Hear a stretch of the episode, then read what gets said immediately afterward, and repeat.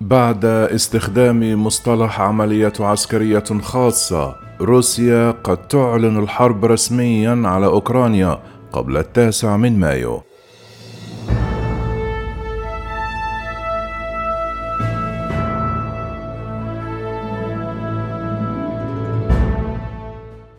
يعتقد مسؤولون أمريكيون والغربيون أن الرئيس الروسي فلاديمير بوتين قد يعلن الحرب رسميا على أوكرانيا قبل التاسع من مايو الحالي وفق لما ذكرت شبكة سي إن إن الإخبارية.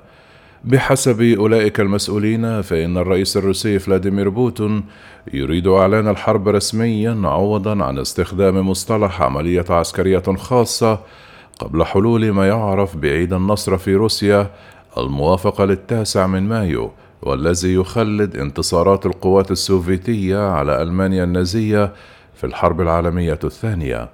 إعلان الحرب سوف يتيح لبوتون التعبئة الكاملة لقوات الاحتياط الروسية وتجنيد المزيد من الشباب وسط نقص في أعداد الجنود لديه كما أنه سوف يسمح لحاكم الكرملين الحديث عن وجود إنجاز كبير ولحظة فاصلة بعد فشل حملة الغزو في تحقيق أهدافها المعلن عنها قبل حلول موعد عيد النصر. حتى الآن أصر المسؤولون الروس على أن الصراع كان مجرد عملية عسكرية خاصة بهدف مركزي وهو القضاء على النازية في أوكرانيا. وفي وقت سابق صرح وزير الدفاع البريطاني بن والاس لهيئة الإذاعة البريطانية بي بي سي أعتقد أن بوتين سوف يحاول الابتعاد عن عمليته الخاصة. وأضاف لقد اعتاد الرئيس الروسي التجرد في التصعيد لكي يمهد الطريق أمام الرأي العام. وإقناع الجماهير بأن ما يجري في أوكرانيا هو حرب ضد النازيين. وفي تصريحات لوزير الدفاع البريطاني لموقع إل بي سي قال نحن جزء من حلف الناتو الذي يضم ثلاثون دولة تتفوق عليه عددا ولدينا جميع القدرات المتاحة لدينا. وأضاف أنا لا أخافه وأعتقد أننا يجب أن نكون ممتنين للغاية في هذا البلد لأن لدينا رادعا نوويا.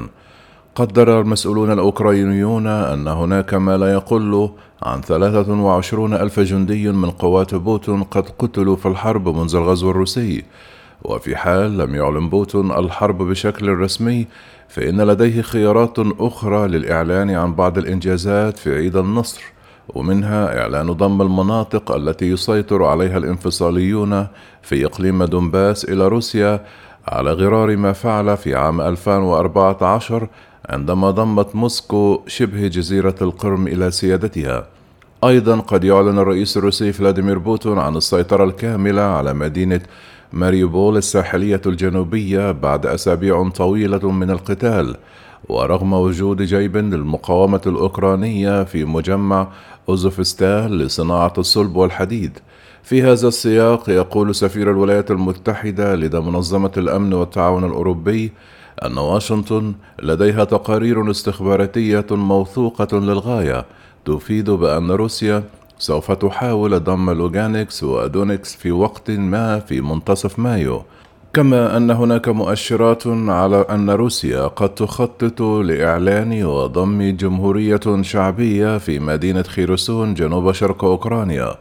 إذ قال المتحدث باسم وزارة الخارجية الأمريكية نيد برايس يوم الاثنين أن هناك سببا وجيها للاعتقاد بأن الروس سيفعلون كل ما في وسعهم لاستخدام التاسع من مايو عيد النصر لأغراض دعائية.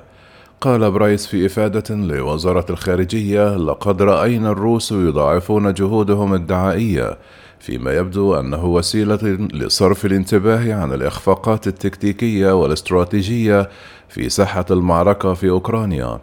وتابع بأن هناك تكهنات بأن روسيا قد تعلن الحرب رسميا في التاسع من مايو وسيكون ذلك مفارقة كبيرة إذا استغلت موسكو مناسبة عيد النصر لإعلان الحرب لأن ذلك قد يعني أنهم يكشفون للعالم عن فشل جهودهم القتالية في أوكرانيا وأنهم يتخبطون في حملتهم وأهدافهم العسكرية.